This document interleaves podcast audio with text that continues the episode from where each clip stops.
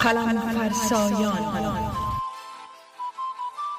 برنامه ادبی و فرهنگی رادیو آشنا صدای امریکا.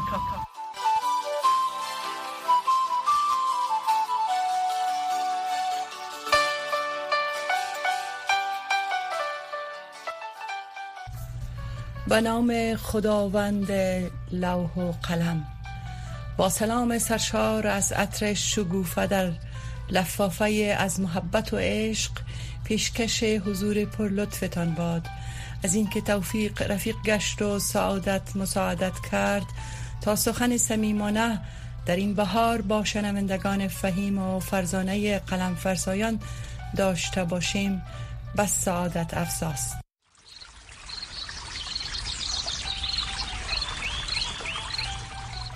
آمد بهار خرم و آمد رسول یار. مستیم و عاشقیم و خماریم و بیقرار شنونده های همیشه سمیمی با برنامه نوروزی سال 1400 خورشیدی از امواج رادیو آشنا صدای امریکا برنامه 106 سال سوم قلم فرسایان مقدمتان گرامی و گلباران باد. لیلا ما حبیب عظیمی میزبان این سفره بهاری هستم و با سلام و درودها بزم معنوی امشب را در ستایش بهار و روز نو با اشعار و سروده های شاعران و سخنوران گرامی ما آراسته می داریم.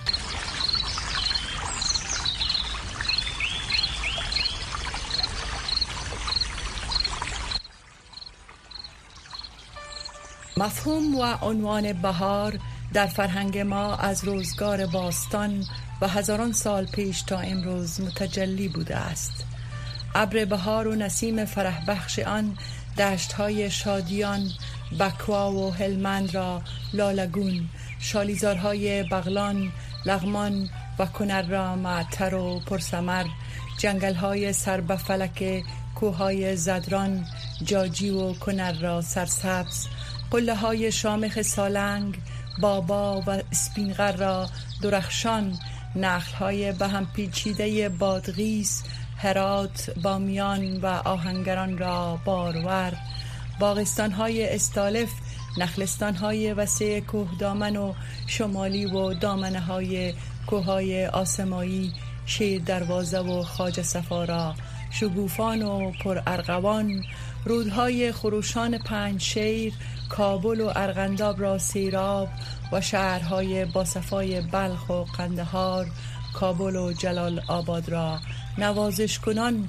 روح تازه می بخشد. شگوفه انار در باغستانهای قندهار شگوفه نارنج در جلال آباد و شگوفه بادام در کابل و کهدامن زمین. مردم را به چمنزارها و باغستانها می کشاند. و شاعران را به وجد می آورد دلا به باغ برو مشرب از انار آموز که موج خون به دل و خنده در دهان دارد.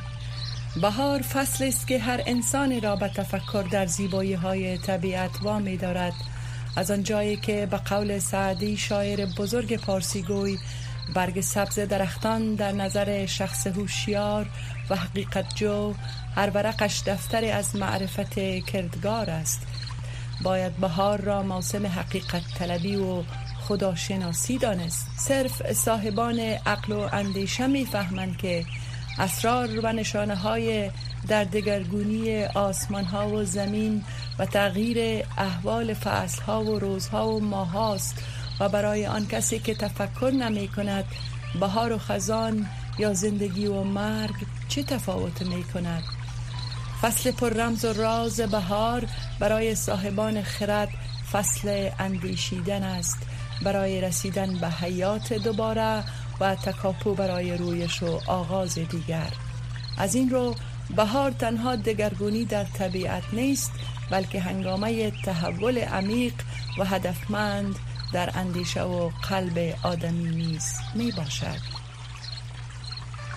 شنونده صاحب دل در بزم معنوی امشب قلم فرسایان که به یمن سال نو و بهار نو تنظیم شده است سفره رنگین بهاری را با سروده ها و پیام های نوروزی شاعران همدل پهن می کنیم که با صدای خود شاعران ما آراسته شده است. در آغاز هدیه گرانبهایی را از شاعر وارسته استاد سخن جناب نورالله و سوق پیشکش حضورتان می نماییم دیده از چنگ اشک و آزاد خانه آرزویتان آباد. گشته ورد ترنم نوروز سال نو بر همه مبارک باد.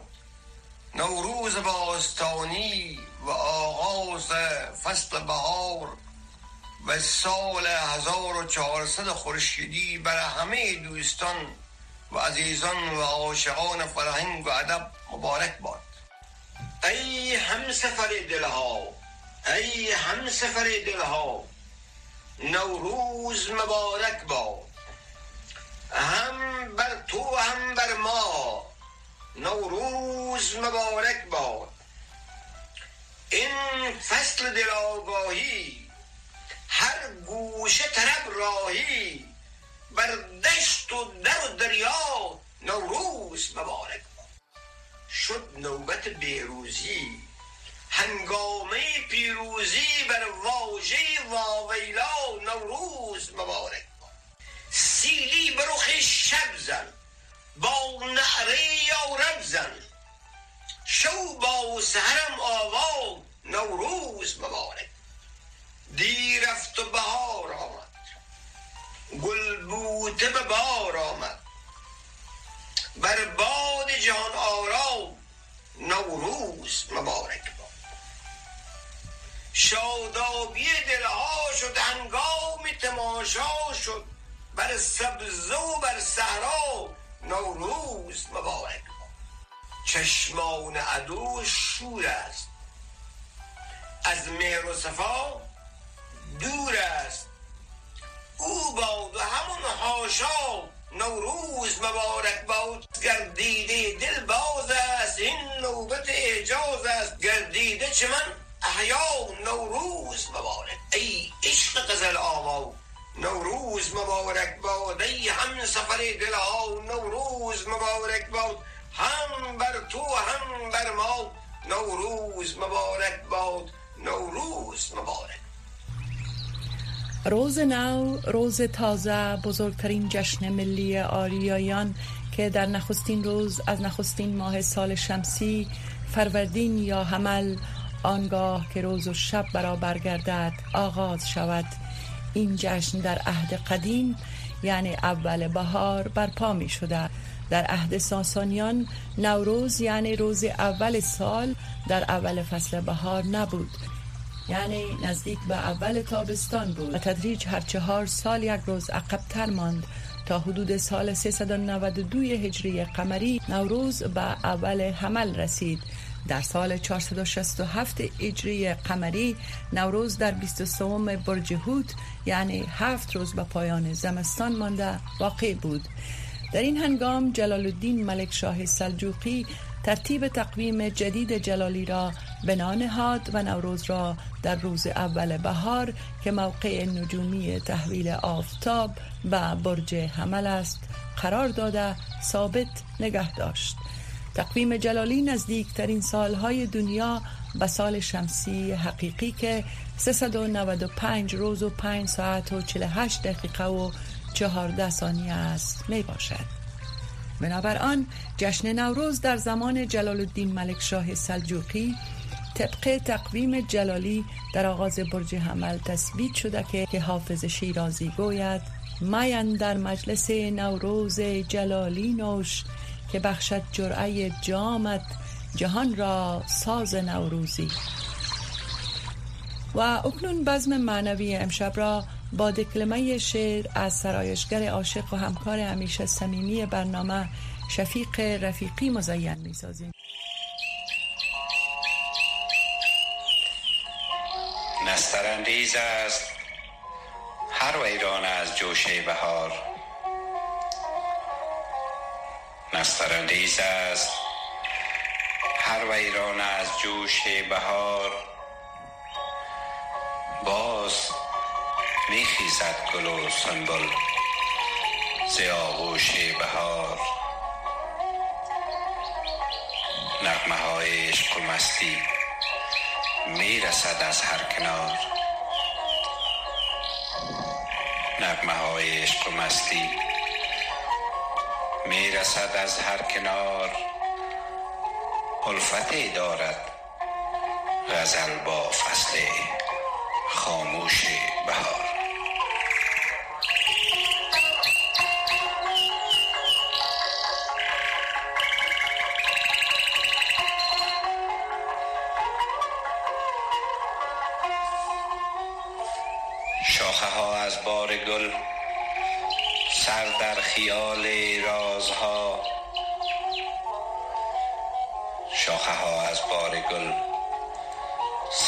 در خیال رازها. وقتی گلریز است گلشن. از بر و دوش بهار. باغ و گلشن چون عروسان.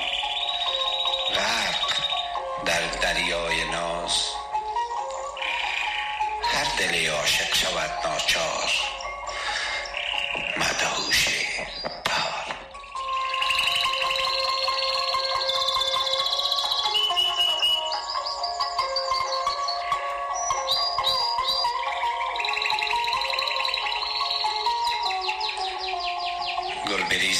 طرف باد صبا از نگهتش.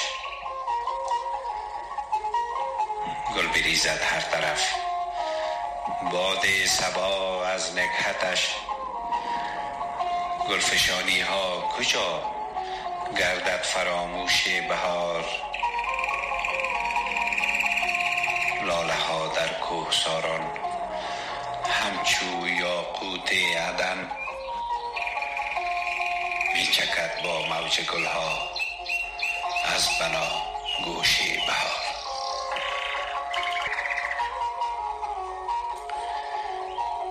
طبع طاووس سخن با موج گل گل می کند. طبع طاووس سخن با موج گل گل می کند. گل کند فصل سخن. از طبع خاموش بهار. گرمی آغوش معشوقم شفیقا سرد بود.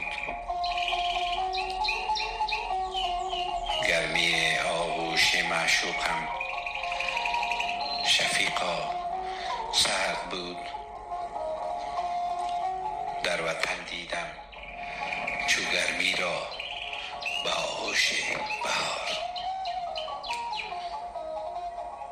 در وطن چو گرمی را به آغوش بهار. و در این بخش برنامه شعر بلند را از شاعر فرهیخته نویسنده برجسته استاد محمد اکبر سنا پیشکش حضور مهربان شما می کنیم که عنوانی برنامه فرستادن نمای از بهار سال 1400 در این بهار نبیند کسی نشانه گل که برق حادثه سوزاند آشیانه گل.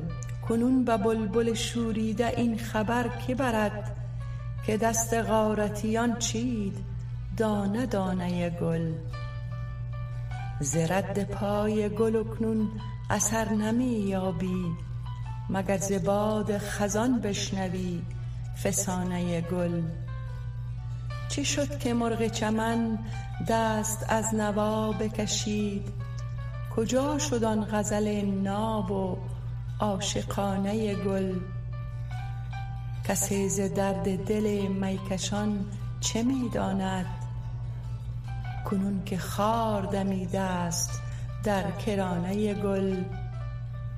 دمی که بوی بهاران نمی رسد به مشام که غیر باد خزان پا نهد به خانه گل.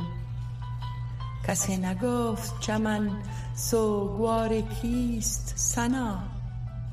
کسی نگفت چمن سوگوار کیست سنا که غیر ناله غم نیست در ترانه گل. که غیر ناله غم نیست در ترانه گل. آثار و قراینه که در دست است میرساند که پس از اسلام نیز هم ماره جشن نوروز برپا می شده است و مراسم آن با تغییرات از عهد به عهد دیگر منتقل می گردید ولی همیشه با نواها و موسیقی برگزار می شده است. ادب دری از قرن چهارم اجری به بعد به سوی استقلال و شگوفایی گرایید. نخستین شعرای زبان دری در آسیای میانه به دربار آل سامان رشد کرد. ولی ادب دری دوره غزنوی زیر نظر ادب پرور شخص سلطان غزنه به اوج پختگی رسید. این باغ و راغ ملکت نوروز ما بود. این کوه و کوه پایه و این دشت و جوی اکنون شنونده های عزیز شما را دعوت می کنیم به شنیدن سروده و پیام نوروزی شاعربانوی گرامی زینب کبیر که مدیون همکاری های همیشگی ایشان در قلم فرسایانه سلام درود و مهر بی پایان. تقدیم دست‌اندرکاران برنامه و هموطنان عزیزم در هر جایی که بسر می‌برید و صدای مرا از رادیو آشنا یا تکرار برنامه را از طریق فیسبوک میشنوید. روز نو ماه نو سال نو و قرن نو خجسته و پرمیمنت برایتان آرزو دارم. از مجری این برنامه وزین لیلا موجان عظیمی عزیز که و تلاش زیاد در بهتر ساختن برنامه میورزد. صمیمانه سپاسگزارم که مرا در این بزم خاص بهاری دعوت کرده. این هم بهارانه از بند تحت عنوان گل فرستادی. گل فرستادی و من خوشبو شدم. در دو دستت عطر دستن بو شدم. ناگهان ناگهان یادت خرابی ها نمود. از فراقت خیله ها بدخو شدم. بی گل رویت بهاران کی شود؟ غرق در یاد تو من هم تو شدم. این هوای دلبری هایت چه کرد؟ عطر تو آورد و من هر سو شدم. گفتی آب و آتشی دلدار من خنده بر لب باز هم خوشگو شدم. گفتی ای زیبا نگارم صبر کن ناسبورم تا به این گیسو شدم. هدیه هایت روح و جانم تازه کرد شبنم بر روی گل با تو شدم. سحر و جادوی بهاران در دمت گل فرستادی و من جادو شدم.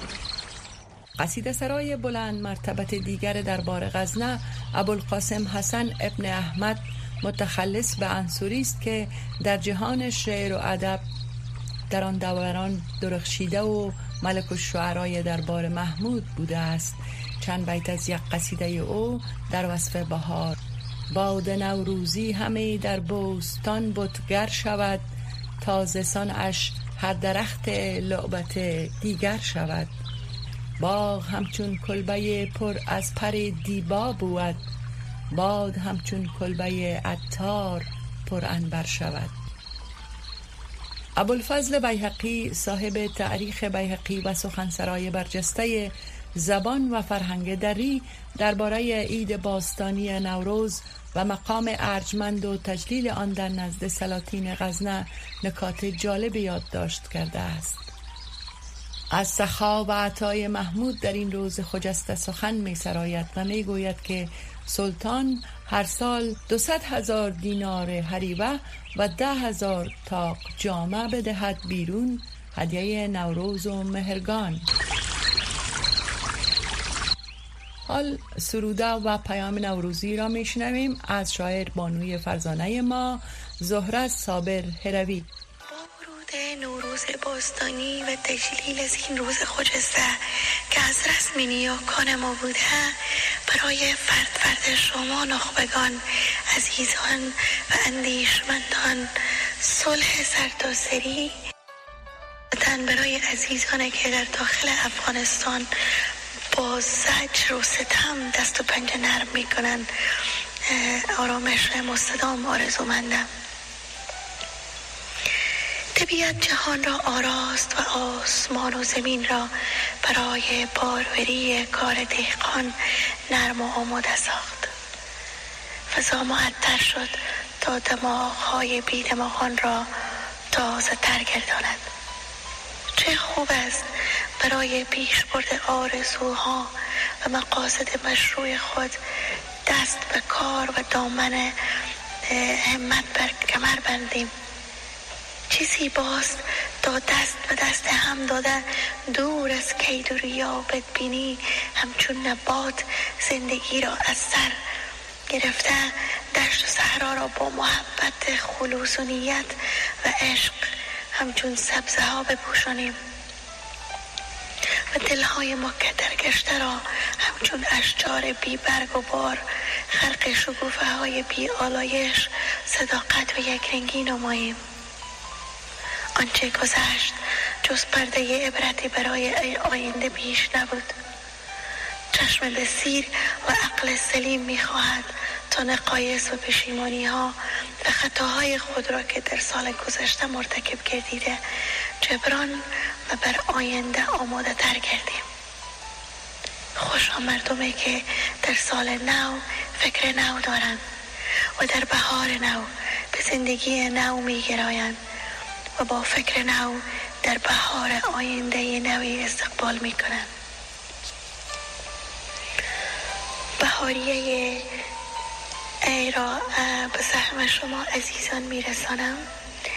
دوباره فصل دلاویز نوبهار رسید. دوباره فصل دلاویز نوبهار رسید. صدای شرشر موزون آبشار رسید. شگوف رقص کنان روی شاخه ها خندید. شکوف رقص کنان روی شاخه ها خندید. نوای بلبل شوریده و هزار رسید. زمرودین شده دامان دشت و صحرا نیز. زمرودین شده دامان دشت و صحرا نیز و پای سر و هماغوش جوی بار رسید. و باد عطر خوش آورده است و پاشیده است. و باد عطر خوش آورده است و پاشیده است. به روح باغ و چمن نکت و قرار رسید. هرچی گل که سر آورده در تواف چمن. به هرچی گل که سر آورده در تواف چمن سلام لطف بهارانه پیش ما رسید. سلام لطف بهارانه پیش ما رسید. اینک در بزم امشب قلم فرسایان شما را دعوت می کنیم به شنیدن چند ربایی زیبا از شاعر بانوی فرهیخته ولیا آریان که امرا با پیام نوروزیشان و شنمده های برنامه و دستن در کاران فرستادن درود و مهر و مجری برنامه وزین قلم فرسایان ما حبیب عزیمی عزیز اندر کاران این برنامه که زحمات را همواره بر دوش کشانده اند. و عزیزانی که از همین ورا شنونده هستند. از ادب دارم سال نو را پر از اتفاقات قشنگ ادبی و موفقیت های پیوسته برای این برنامه و عزیزان همراه آرزو دارم. چند و دو بیتی بهارینه تقدیم حضور زیبایتان. غزل بر کوچه باران رسیده. غزل بر کوچه باران رسیده و پیچک بر تن سنبل دویده. جدا از چشم تو در باغ لاله خمی در اشک شب از گل چکیده.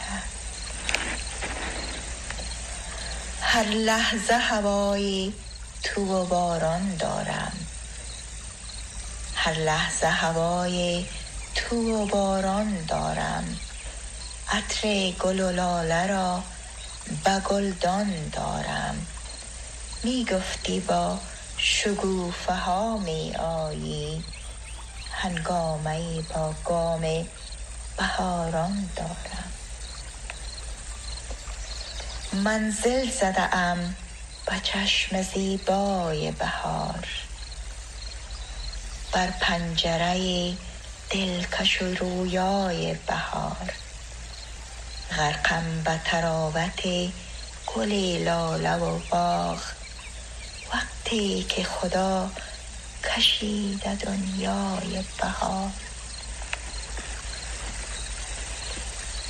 در باغ شکوفا شدن آغاز شده. در باغ شکوفا شدن آغاز شده. آغوش گل از یاد تو در ناز شده. از عطر ترانه های من پر شده است. چشمی غزلم با تو هم آواز شده. چشمی غزلم با تو هم آواز شده. ممنون که مرا شنیدین و سال نیک برای همه آرزو دارم. سپاس از برنامه وزین قلم فرسایم و در این دقایق بزم معنوی را با سروده بلند بالای از شاعر وارسته ولی پوپل می آرایم. نوبهار است و ماه فروردین با گویی که گشت خلد برین. پر لطایف شده تبای هوا. پر زرایف شده زمان و زمین. چشم وا کرده نرگس از گل خواب. این نمادین بهار نیک آیین. سبزه و گل دمیده روی بروی مفرش باغ گشته باز نوین. باد گل بیز و عنبر افشان است. خاک چون پرنیان عطر همه پوشیده عروسان چمن حلی و حله را بسد تمکین. باد برقه برد سلاله سرخ آتشین زا شده یسار و یمین. پرنگین گشته کلک شاهد باغ پرگهر گشته شاخه را آستین. وه چه زیباست رنگ و بوی بهار. چه فریبا و روح بخش است این. سر به نازا خرام به طرف چمن هان بیا در کنار من بنشین. می گل بویم پیاله بریز که برد غم ز لوح قلب حزین. آ در آغوش من بهاره من. که ببوسم تو را منت ز جبین آ که باشیم ز خارزار به دور. آ که باشیم به مرغزار قرین وقت مهر است ولی ز با مرو کن حذر از بلای نکبت کین. فصل زیبای بدی. سال نو خورشیدی 1400 و کافه هموطنان عزیز خجسته ترین باد. امیدوارم که سال نو سال آسایش آرامش و آشتی همگانی در جهان و کشور عزیزمان باشد و سال قلع و قمه ویروس کرونا و شکست و شرمساری دشمنان داخلی و خارجی میهن. سپاس و حرمت فراوان از شاعران و سخنوران عالی قدر ما که در بزم معنوی و برنامه بهاری قلم فرزایان سهیم بودند و ما را مدیون همکاری و همدلی هایشان کردند. خداوند سبحان یار و مددگارتان و زندگیتان